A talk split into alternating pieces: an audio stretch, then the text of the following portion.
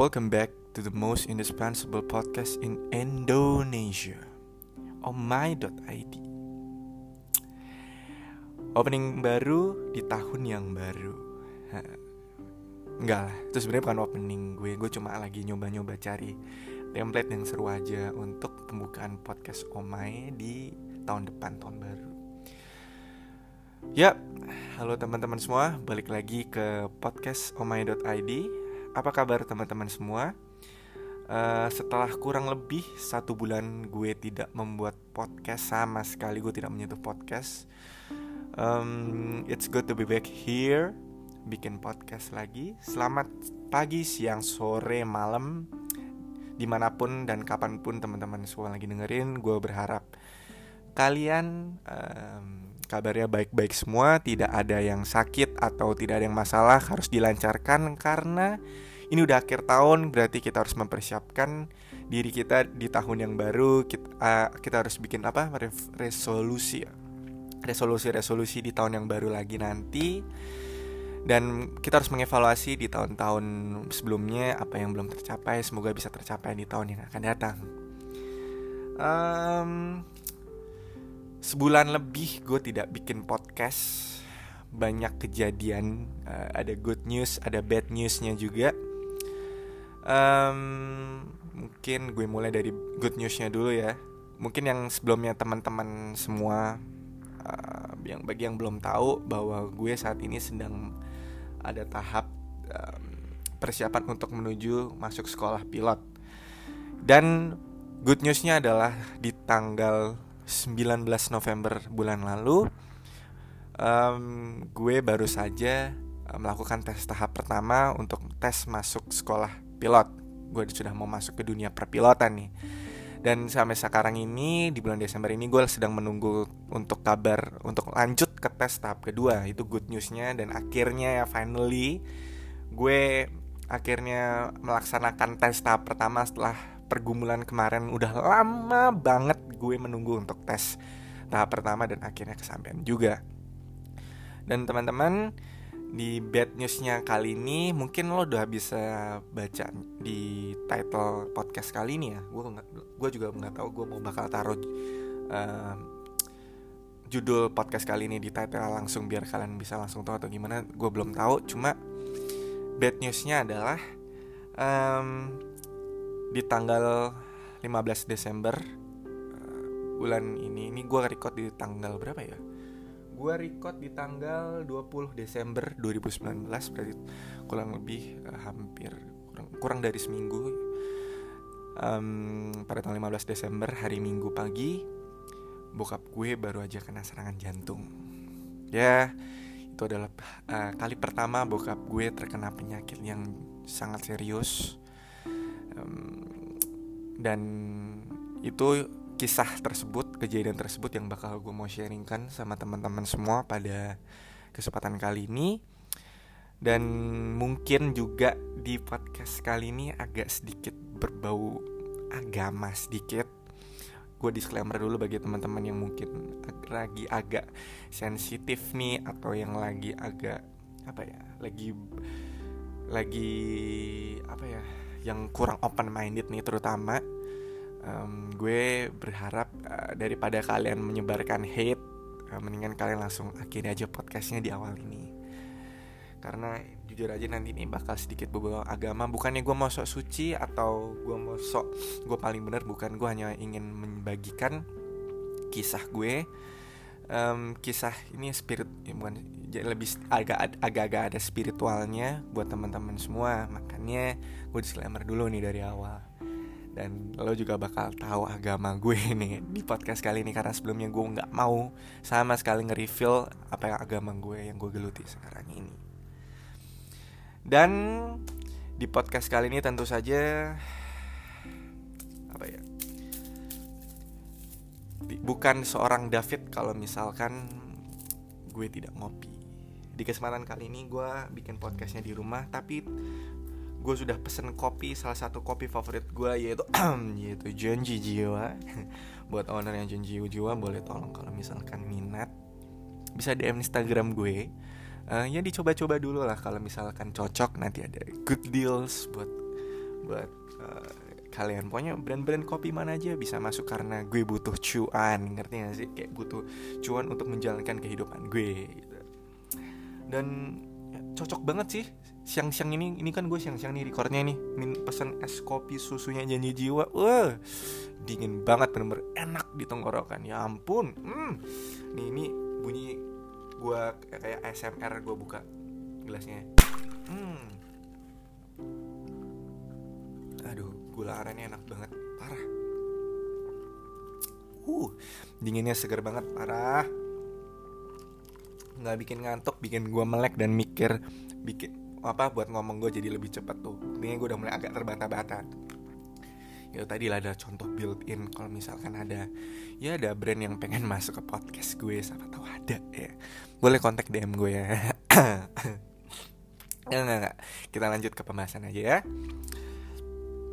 um, kejadian bokap gue kena heart attack atau serangan jantung kemarin um, sebenarnya dimulai indikasinya tuh dari hari Sabtu um, di Sabtu Hari Sabtu pagi semuanya keja semua kegiatan berjalan lancar. Tidak ada masalah, tidak ada keluhan di bokap gue. Kita semua keluarga pagi bangun enjoy banget, aman banget, hmm, penuh dengan senyuman dan ceria di bangun pagi kita.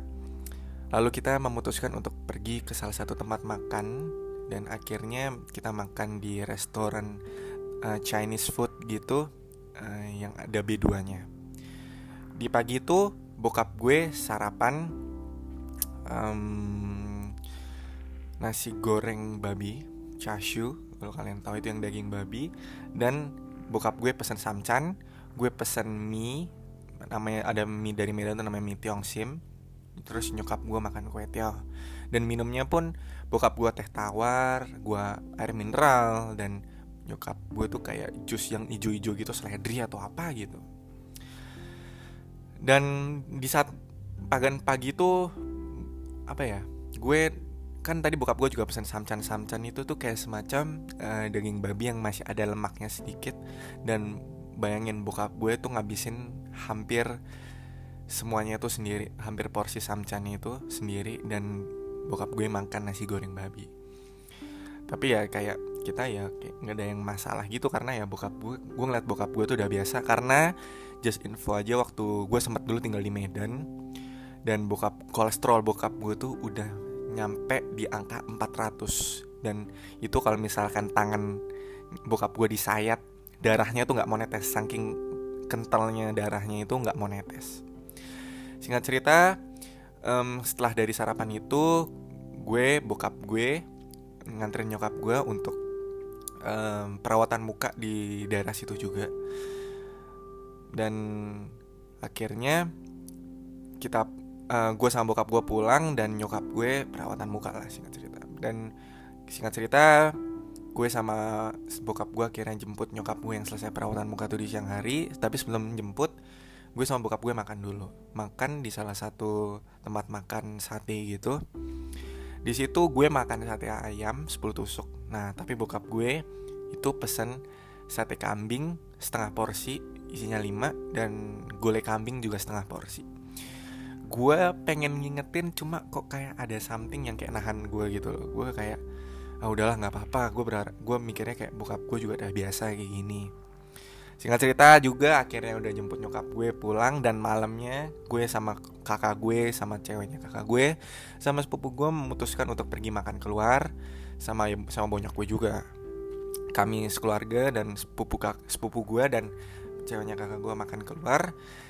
Di malam hari itu kita berencana untuk makan vegan jadi kayak ada restoran vegan gitu yang menjual semua makanannya vegan kayak uh, pasta vegan dan segala macamnya sorry. Setelah kita selesai makan kok bokap gue tuh masih ngajak makan lagi gitu loh. Karena uh, katanya uh, bokap gue tuh agak kurang kenyang gitu katanya makannya. Dan akhirnya kita memutuskan untuk mampir ke salah satu restoran yang ada live musiknya. Sekalian bisa nongkrong uh, malam mingguan lah bareng kami sekeluarga lah. Di situ ada restoran jazznya dan bokap gue bayangin nih bokap gue makan sop buntut sop buntut dan minumnya ginger ale. Bagi kalian yang belum tahu ginger ale tuh kayak minuman bersoda dan ada rasa jahe-jahenya. Dan gue aja yang minum ginger ale tuh di tenggorokan tuh saking apa ya gigit banget sodanya itu kayak nggak enak gitu di tenggorokan. Tapi ya tetap uh, ya bokap gue dengan biasanya ya mesen ginger ale tersebut dan makan sop buntut. Dan sop buntutnya tapi nggak habis waktu itu. Gue gua ngeliat nasinya masih disisain dan sop buntutnya uh, nggak habis. Jadi tolong jangan ditiru ya teman-teman. Kalau kalian pesen makanan kalau bisa dihabisin harus itu dan seperti biasa ya bokap gue um, tidak ada keluhan apa-apa. Kita nonton jazz dan akhirnya kita baru pulang jam 12 malam jam 12an pulang bokap gue dan nyokap gue gue tidur semuanya tidur. Uh, cewek kakak gue ya pulang lah tentunya diantarin sama kakak gue dan sepupu kakak gue nginep eh sepupu sepupu, sepupu gue nginep di rumah gue. Eh sepupu gue waktu itu pulang deh karena dia harus jemput ceweknya ya. Sebenarnya sepupu gue pulang jadi di rumah di rumah tuh gue kakak gue dan monyok gue.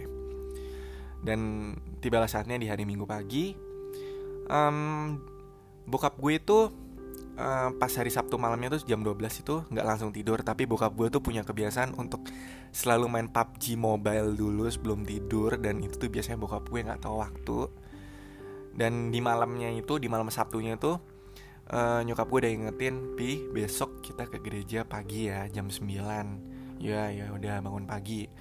Padahal tapi itu bokap gue masih main tuh jam 2 baru mungkin sekitar jam satu, setengah satuan jam satuan mungkin baru tidur. Singkat cerita akhirnya bokap gue tidur nyokap gue tidur dan kita sekeluarga tidur. Minggu paginya jam 8an bokap gue dibangunin sama nyokap gue Pi jadi ke gereja nggak? Nah yang sedikit agak anehnya bokap gue tuh kayak tidurnya itu bahasa Jawa tuh angler. Tapi apa ya? Nyenyak nyenyak. Tidurnya tuh nyenyak banget. Karena sampai ditanya nyokap gue pun kayak bokap gue kayak uh, diam doang gitu loh. Dan akhirnya nyokap gue nanya e, mancing apa mau gereja sore. Tapi kalau ke gereja sore harus gereja ya kalau sore. Jangan malas-malasan. Terus bokap gue bilang hmm, cuma hmm doang. Dan akhirnya jam 10-an akhirnya bokap gue bangun. Jam 10-an tuh jadi itu kan jam 8 dibangunin jam 10-an baru bangun. Dan gue curiganya adalah bokap gue tuh sebenarnya jarang banget ya bangun di atas jam 9 itu jarang banget tapi di saat itu kenapa bokap gue baru bangun jam 10 cuma ya gue nggak mikir aneh-aneh mungkin ya bokap gue kecapean karena sering main PUBG dan akhirnya bokap gue bangun seperti biasa lalu ke teras belakang rumah gue dan ngerokok Iya, bokap gue ngerokok. Dan akhirnya ngerokok di teras pas pagi sambil ngopi, sambil ngecek-ngecek WA handphone ya biasalah bapak-bapak. Setelah itu akhirnya bokap gue masuk uh, lagi ke dalam rumah untuk mandi, lalu nyokap gue pun um, sudah apa ya nyokap gue pun lalu bersiap-siap untuk uh, beresin kamar. Dan saat dan saat itu gue masih belum bangun gue masih bobo masih di kamar.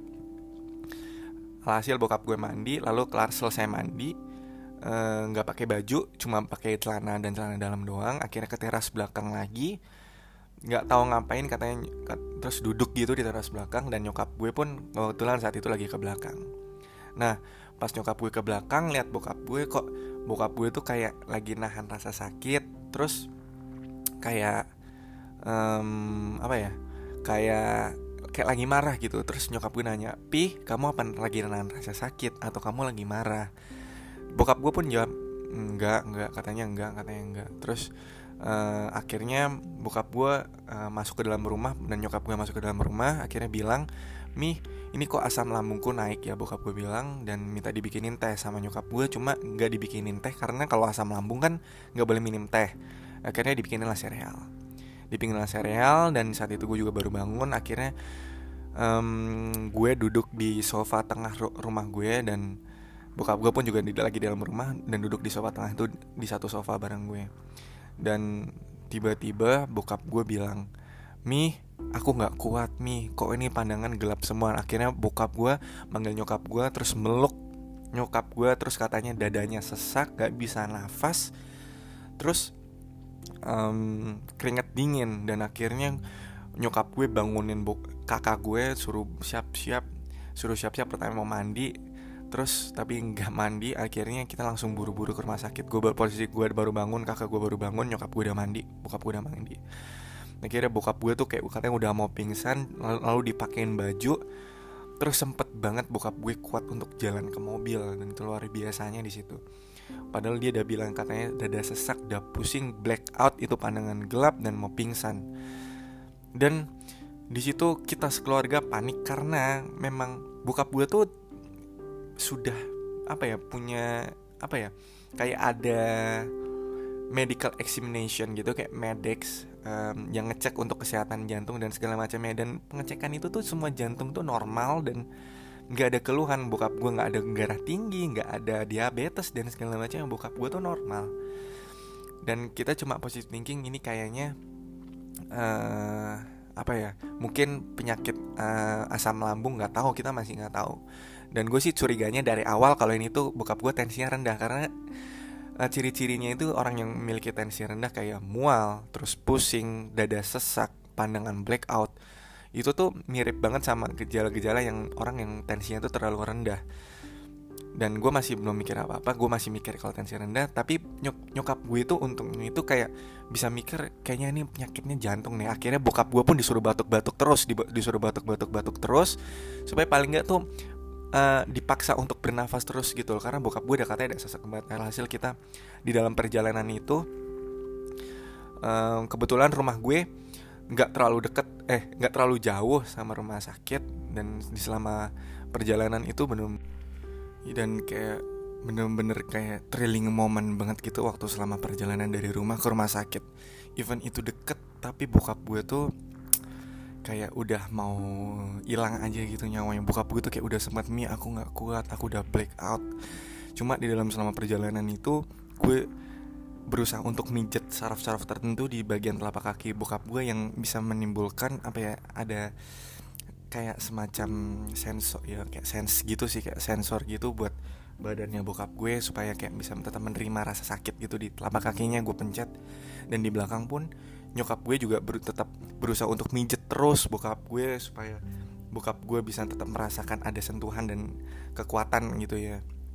Dan nyokap gue di, di satu sisi juga suruh bokap gue juga batuk-batuk terus supaya mancing pernafasan bokap gue dan itu bener-bener thrilling moment banget. Gila itu pertama kalinya gue dalam hidup di hidup gue dan di, di keluarga gue bokap gue seperti itu. Dan puji Tuhannya kita nyampe rumah sakit dan bokap gue masih sadarkan diri bokap gue sangat kuat dan gue percaya itu berkat dari Tuhan. Dan akhirnya kita langsung masuk di, diarahkan untuk masuk ke apa apa UGD dan di UGD itu bokap gue langsung diturunkan dari mobil langsung dimasukkan ke ruang IGD dan gue kakak gue dan bokap eh gue kakak gue dan nyokap gue akhirnya uh, menyusul bokap gue. Dan di situ bokap gue langsung diberikan beberapa obat-obatan pil dan sembari dipasangi oksigen dan sama alat yang untuk mendeteksi itu loh yang jantung, tensi dan kadar oksigen di dalam darah. Dan akhirnya pas itu keluar kita kita sekeluarga juga sempat sangat shock banget karena kadar oksigen di darah bokap gue itu tinggal 50% detak jantungnya itu stabil di 69an 69 dan tensinya itu yang parah banget itu sekitar 50 per 40 dan itu tuh kan sangat rendah banget. Dan pas gue ngeliat uh, hasilnya tersebut gue langsung berpikiran kayaknya ini bokap gue kena uh, tensinya itu terlalu rendah deh makanya dia kayak gini. Dan akhirnya untuk ngeboost tensinya itu kayak dipasangin suatu alat ke dalam uh, ya apa infus, infus gitu sih kayak infus gitu. Yang buat ngebooster si tensinya bokap gue supaya bisa lebih stabil untuk menstabilkan jadi di booster gitu. Dan itu gue di ruang IGD kurang lebih selama tiga jaman tiga jaman. Dan puji Tuhannya banget di saat itu juga ada dokter jantung yang sedang yang sedang standby standby di dalam rumah sakit tersebut. Dan akhirnya dokter jantungnya pun melakukan kayak semacam apa ya tuh yang kayak di foto gitu loh pembuluh darah jantung gue bokap gue yang kayak menggunakan suatu alat. Dan akhirnya memang si siapa dokternya tuh awalnya tuh tidak ngasih tahu kalau misalkan di sini tuh ada penyumbatan atau penyempitan. Cuma gue yang ngelihat hasilnya tersebut yang hasil kayak semacam endoskopi apa kayak apa ya kayak di semacam di X-ray gitu jantungnya bokap gue. Gue pun ngelihat uh, bokap gue tuh kayak uh, kayaknya ini bakal ada penyempitan ada penyumbatan. Karena gue udah pernah belajar di biologi jadi gue tahu tapi gue tidak mengucapkan hal tersebut. Dan selama di ruang ICU itu gue selalu berusaha mengontrol nafas bokap gue pi coba dibuat nafas coba dibuat nafas ditarik nafasnya pelan-pelan. Sembari gue memencet cuk agak cukup kenceng di bagian bahu bokap gue yang di sebelah kiri. Karena itu kan kalau misalnya coba aja kalau sekarang kalian yang dengerin pencet itu lumayan agak kerasa dan agak sakit. Nah cuma ya gue ya gue kontrol lah nggak gue bener-bener tekan sampai nyeri banget enggak dan apa ya dan akhirnya uh, bokap gue diambil darahnya untuk dicek segala halnya. Dan akhirnya hasilnya keluar dan bokap gue kolesterolnya normal, tekanan darahnya normal, segala yang pokoknya yang lo bisa lihat di dalam pengecekan pengambilan darah tuh semuanya normal sampai yang ada enzim kimia di dalam jantung bokap gue itu juga normal. Nilainya tuh 5.4. Kalau orang batas orang itu tuh 14. Cuma kata dokternya emang kalau misalnya sejam pertama setelah pengambilan darah kalau dicek ya emang bakalan normal bu kalau orang penyakit jantung harus ditunggu 3 jam setelah pengambilan darah pertama sejak dia masuk ke dalam ruang uh, apa IGD UGD tersebut. Akhirnya ditunggu tiga jam lah. Tapi di selama dalam waktu tiga jam tersebut um, bokap gue juga udah dibilangin ini penyakitnya harus ditindak harus ada namanya kateris, kateterisasi untuk mengetahui ada penyumbatan atau ada penyempitan di dalam uh, jantungnya bokap gue. Cuma uh, ada beberapa saran dari teman-temannya bokap gue untuk dipindahkan ke ke rumah sakit di daerah Kebonjorok yang memang sudah terkenal departemen jantungnya sudah cukup bukan cukup sih mungkin udah bagus ya di Indonesia. Nah dan bayangkan bokap gue tuh udah sampai udah akhirnya kita sekeluarga sempat deal karena kan namanya apa ya keyakinan atau kepercayaan si pasiennya bokap gue tuh dikasih pilihan mau di rumah sakit ini atau yang di kebun jeruk bokap gue katanya pilih yang di kebun jeruk aja karena rekomendasi teman-temannya. Karena kan uh, kepercayaan apa ya si pasien terhadap rumah sakit bahwa si rumah sakit itu bisa menyembuhkan itu sangat penting. Jadi akhirnya tetap bokap gue pindah pengen pindah ke Ponjuruk nih awalnya dalam tiga jam awal nih. Udah sempat penandatanganan surat penolakan untuk uh, dikeluarkan dari rumah sakit eh, dari rumah sakit A ini untuk pindah ke Bonjuruk dan itu dan tanda penolakan semua segala apa ya segala akibatnya bokap gue sudah menerima kakak gue sudah mengurusnya. Cuma tiba-tiba Tuhan memberikan jawaban lagi yaitu temannya bokap gue gue puji syukur banget teman bokap gue tuh datang. Namanya Bu Marta. Terima kasih Bu Marta. Mungkin anaknya yang dengar podcast gue terima kasih gue sampein buat nyokap lo. Nyokap lo adalah salah satu orang yang sangat penting juga di dalam hidup bokap gue. Dan akhirnya Bu Marta tuh datang dan bilang kalau misalnya udah pak uh, ini bok, uh, papa kamu udah dibiarkan aja untuk dirawat intensif di sini aja melakukan semua segala tindakannya itu di rumah sakit ini aja nggak usah dipindah yang ke kebun jeruk. Dan akhirnya kita semua deal dan akhirnya surat penolakan tadi itu di reject.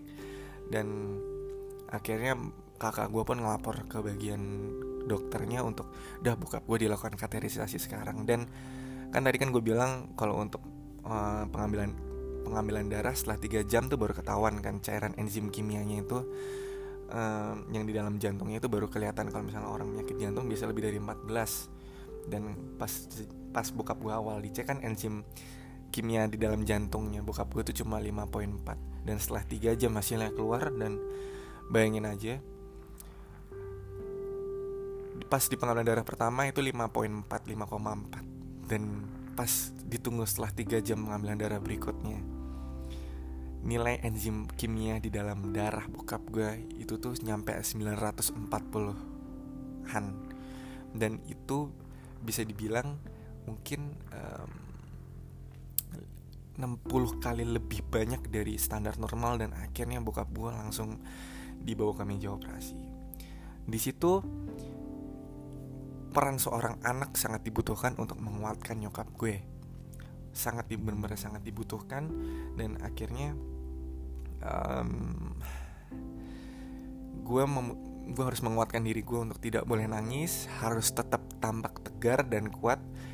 Gue dan kakak gue harus tampak tegar dan kuat di depan nyokap gue untuk memberikan kekuatan ke nyokap gue akhirnya bokap gue dibawa ke ruang operasi. Uh, and kita nunggu di luar dan kita semua sudah sudah berdoa gue berdoa ya Tuhan tolong berilah kesempatan bagi ayah saya. Kita sekeluarga masih butuh ayah saya. Orang-orang di sekitar papa saya orang-orang kantor orang-orang semuanya di yang di dunia ini masih sangat membutuhkan ayah saya gitu. Gue selalu bilang gue bilang kalau gue percaya gue bilang kalau uh, gue percaya kuasa akan kau nyatakan dan mujizat besar akan terjadi dalam hidup kami sekeluarga. Gue selalu camkan itu berulang-ulang dan akhirnya bokap gue telah masuk ruang operasi dilakukanlah kateterisasi. Kakak gue dan nyokap gue pun yang dipanggil untuk uh, ya diberi apa ya pengetahuan uh, apa ya diberikan apa ya informasi. Ternyata bokap gue telah di jantung sebelah kanannya itu ada penyempitan dan penyempitan dan pem, kayak penyempitan dan apa itu namanya kayak penyempitan dan penumpukan ya. Penyempitan dan penumpukan di peredaran darah jantungnya kanan bokap gue. Dan itu sudah mencapai 99% dan kalau misalkan bokap gue telat beberapa menit saja mungkin bokap gue sudah tidak bisa diselamatkan kembali. Dan gue mengucapkan puji syukur yang luar biasa sama Tuhan atas kesempatan yang diberikan ini dan akhirnya dokternya juga bilang um, bapak ini kemarin sarap uh, pola hidupnya bagaimana? Dan uh, uh, bapak itu ngerokok atau enggak? Dan diceritakanlah pola hidup bokap gue dan akhirnya ya memang dia makanan bokap gue di hari Sabtu kemarin itu itu kan bisa dibilang tuh lemak semua dan itu merupakan indikasi utama kenapa bokap gue bisa besokannya seperti ini dan merokok juga faktor pendukung. Merokok bukan faktor utama tapi melainkan faktor pendukung itu faktor yang mempercepat terjadinya proses penyempitan dan uh, pembuntuan ini. Dan akhirnya bokap gue harus dipasangin stand. Stand itu jauh lebih stand itu tuh kayak semacam yang membuka pembuluh darahnya. Itu uh, bagi kalian yang belum tahu ada stand sama ring kalau stand itu tuh kayak lebih panjang itu tuh kayak membuka pembuluh darahnya lebih panjang. Kalau ring tuh kayak cuma kayak cincin kecil gitu doang. Dan kalau misalkan uh, si pembuntuan di pembuluh darahnya bokap gue juga apa ya dihancurkan yang itu kan kayak pembuluh darah sedotan. Kalau dihancurkan yang di sisi sebelah kiri kalau misalnya dihancurkan nanti residu-residunya itu akan menumpuk juga dan akan menyumbat di bagian sedot bagian pembuluh darah yang di lurusannya si pembuluh darahnya tersebut. Dan akhirnya harus dipasang stand dan ring.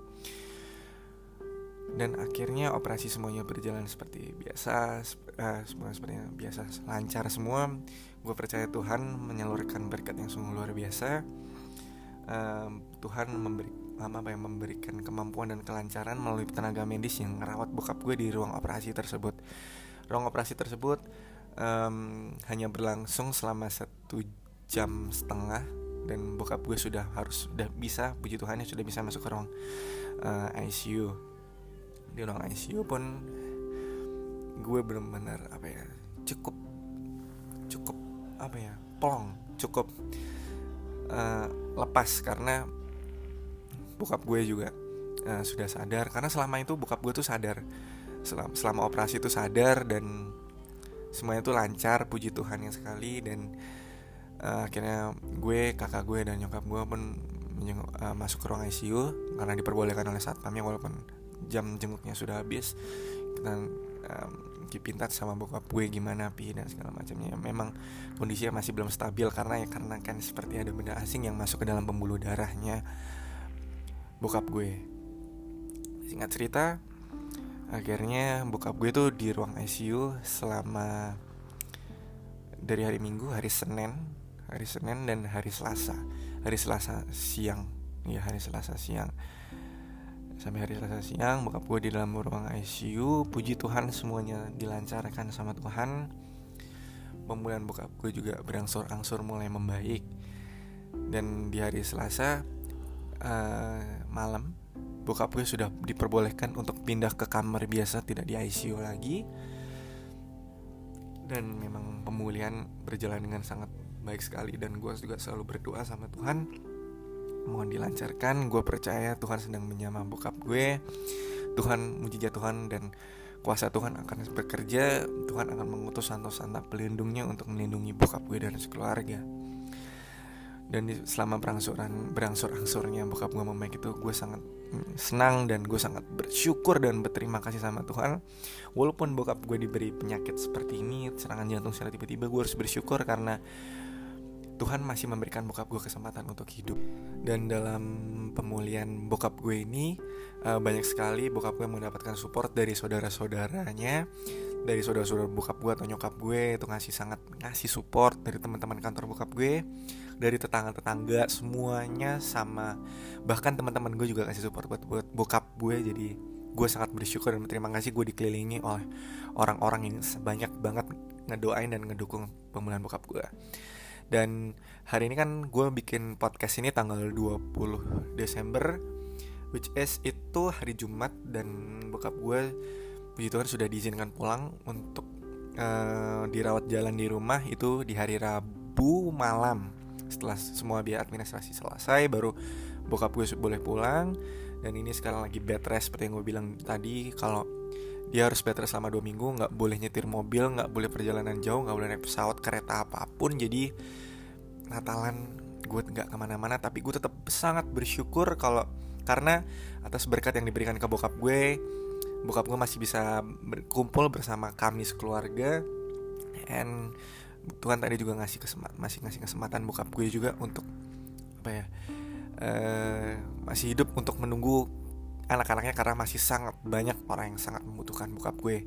Dan seperti gue juga yang udah bilang tadi sebelumnya kalau gue juga sangat bersyukur dan berterima kasih Tuhan mengingatkan bokap gue dengan cara seperti karena menurut gue gue diajarin sama teman salah satu teman bokap gue untuk kamu tuh harus bersyukur kalau misalnya Tuhan memberikan penyakit. Karena itu sebagai media Tuhan untuk mengingatkan mengasih warning ke siapa pun yang terkena penyakit itu untuk menjalani kehidupan yang lebih baik dan gue juga mau ngasih apa ya saran juga buat teman-teman yang mungkin orang tuanya atau sepupunya atau keponak eh nggak mungkin sih. Ya sebenarnya heart attack atau serangan jantung tuh bisa diserang siapa aja cuma harus jadi concern banget tuh uh, buat bokap nyokap om tantenya yang mungkin umurnya udah menginjak 40 40 tahunan ke atas. Itu kalau bisa sering-sering untuk melakukan cek uh, jantung baik itu yang EKG ataupun yang bener harus benar-benar mendalam. Karena takutnya ya kayak bokap gue ada dicek jantung dua bulan yang lalu sebelum terkena penyakit jantung ya jantungnya normal-normal aja. Padahal dia sudah ceknya uh, yang treadmill sama yang kayak dipasangin alat-alat gitu kalau jantungnya normal. Kalau ciri-cirinya tuh katanya kalau misalkan orang yang terkena serangan jantung tuh kadang-kadang tuh nafasnya waktu di treadmill itu kayak mudah sesak. Terus um, kayak nafasnya berat aja. Nah itu tuh harus segera dibawa ke dokter jantung. Kalau bisa dicek untuk katerisasi supaya bisa benar-benar uh, ketahuan gitu loh. Dan apa ya ngasih warn mau ngasih warning juga buat temen uh, bokap nyokapnya atau tante teman-teman semua kalau harus dijaga banget pola makannya kalau udah 40 tahun ke atas dan olahraga itu sangat penting. Walaupun jalan kaki itu nggak apa-apa. Yang penting ada keringat yang ter terkeluarkan. Terus mungkin ada yang saudaranya yang rokok itu yang umur 40 tahun ke atas itu kalau bisa diingatkan untuk mengurangi rokoknya pelan-pelan. Karena rokok itu bukan faktor utama tapi faktor pendukung yang mempercepat terjadinya hal-hal seperti yang ini yang nggak kita inginkan. Karena pasti juga uh, saudara teman-teman semua mau bokap nyokap ataupun yang om tantenya pasti kan nggak mau diingatkan Tuhan dengan cara yang seperti ini. Nah makanya kalau bisa mulai dari sekarang sebelum telat sebelum terlambat teman-teman semua juga harus mengingatkan mereka untuk ayo dijaga pola makannya olahraganya kalau yang rokok dikurangin. Itu yang paling penting sih. Dan nggak kalah pentingnya juga ada satu hal yaitu lebih mendekatkan diri kepada Tuhan. Karena ini ini sorry nih gue sudah mulai uh, membicarakan agak agama-agama sedikit. Um, bukan maksud mengajari atau ngapain atau menggurui gue cuma mau mengingatkan teman-teman semua aja. Karena pertolongan terakhir orang yang akan selalu ada orang apa ya um, seseorang yang bakal selalu ada ketika lu sangat membutuhkan pertolongan lu cuma satu itu tuh Tuhan. Tuhan nggak bakal pernah ninggalin teman-teman semua. Tuhan bakal selalu ada. Dan kalau misalkan kayak gue kemarin tuh gue bener-bener sudah percaya bener-bener sepenuhnya sama Tuhan. Gue bilang kalau misalkan uh, eh, gue percaya kalau misalkan uh, kuasamu akan kau nyatakan dan mujizatmu juga akan terjadi dalam hidup kami sekeluarga. Gue bener-bener pasrah dan itu semua cuma bisa pasrahkan sama Tuhan. Karena waktunya Tuhan juga bukan waktunya manusia. Dan ini sih yang gue selalu pegang. Um, segala sesuatunya ini segala sesuatu yang baik menurut manusia belum tentu baik menurut Tuhan. Tapi segala sesuatu yang Tuhan berikan atau Tuhan kasih kepada kita itu selalu baik adanya. Yang walaupun menurut kita itu jahat tapi atau buruk, tapi Tuhan itu tuh semua rencana Tuhan tuh selalu baik apa adanya dan apa ya, selalu ada makna yang bisa lu ambil atau ada makna tersirat yang bisa lu pelajari dari situ. Jadi buat teman-teman semua juga uh, yang walaupun uh, sekarang badannya sehat walafiat dan tidak ada keluhan apa-apa juga lebih mendekatkan diri aja sama Tuhan dan Tuhan tuh juga nggak minta maksudnya gini Tuhan tuh nggak minta lo sembah-sembah nggak minta lo agung-agungkan nggak minta lo besar-besarkan. Cukup uh, lu hidup dengan iman yang lo miliki. Mau agama lu apa pun itu cukup hidup dengan iman yang lo miliki aja gitu loh. Yang misalnya sering ke klub nih nggak perlu langsung kayak oh, udah gue nggak mau ke klub lagi. Ya itu baik. Cuma ya dikurangi aja.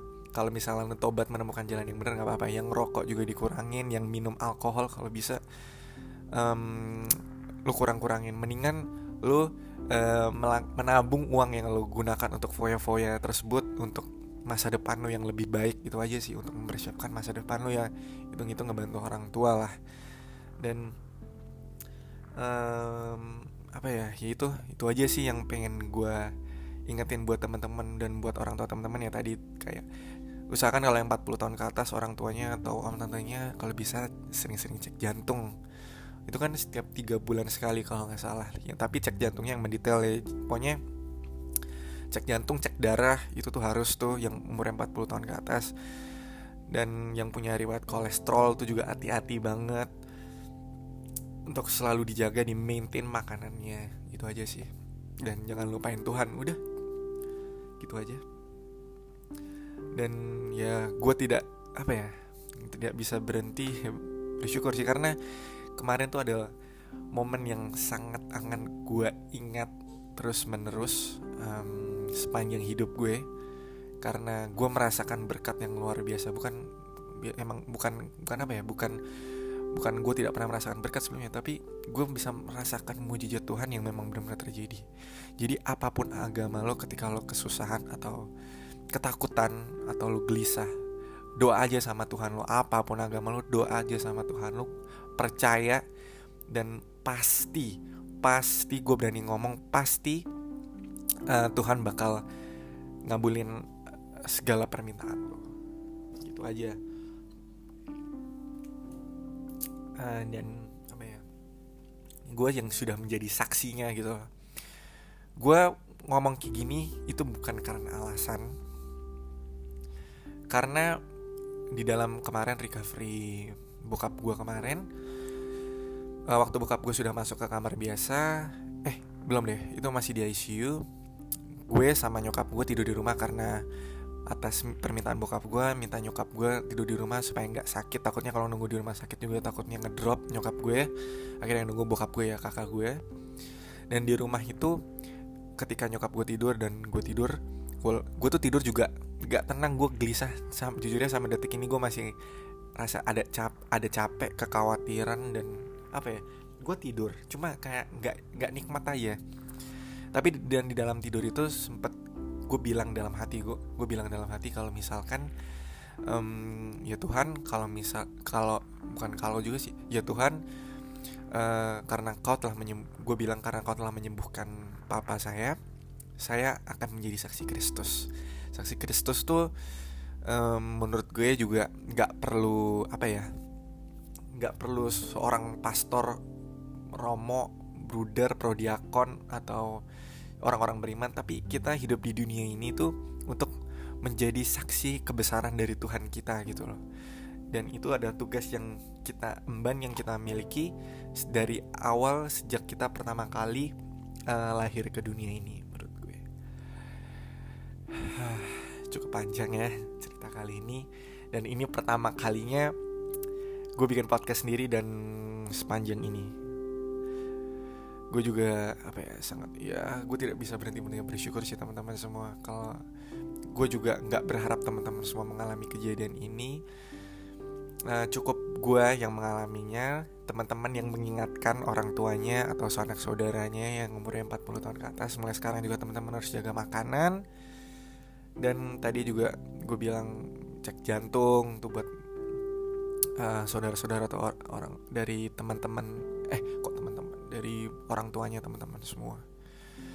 Gitu aja sih um, yang pengen gue sharing. Dan gue juga pengen nanya nih sama teman-teman semua kalau misalkan ke depannya gue kalau apa ya ada beberapa konten yang mungkin akan bakal menyinggung soal agama. Maksudnya yang agama itu bukan gue ngebicarain agama bukan tapi kayak lebih uh, ngebicarain tentang um, apa ya mujizat-mujizat atau keajaiban dari Tuhan kita yang dialami oleh manusia. Gimana kalau kita gue gue nyari orang yang punya pengalaman tersebut gitu loh supaya menjadi apa ya menjadi semangat buat teman-teman semua. Uh, eh, gue minta pendapatnya boleh DM Instagram gue boleh juga email di omahe titik rumah at gmail.com bagi yang mau email uh, gue minta sarannya. Uh, mungkin sekian dulu untuk episode podcast kali ini. Sorry banget mungkin tadi gue yang kayak mungkin berbicara gue kayak sok suci sok beragama tapi gue hanya ingin mengingatkan teman-teman semua untuk mengingatkan juga uh, orang-orang di sekitar teman-teman semua um, sorry banget kalau misalkan banyak salah kata atau yang gue omongin di podcast kali ini atau ada kata-kata yang kurang berkenan buat teman-teman semua um, mohon doanya juga teman-teman buat bokap gue nah, semoga bokap gue dilancarkan pemulihannya dan semoga buat orang tua atau saudara-saudara teman-teman semua bisa diberikan kesehatan selalu, panjang umur, bisa apa ya? Bisa hidup bahagia juga dengan keluarganya. Oke, sekian dulu teman-teman semua. Terima kasih yang telah dengerin episode podcast uh, Omai untuk hari ini. Um, terima kasih atas apa ya telah meluangkan waktu untuk dengerin ya kisah gue ini. Semoga bisa menjadi pembelajaran juga buat teman-teman semua. Dan itu aja untuk hari ini. Gue Acelius David. See you in the next podcast thank you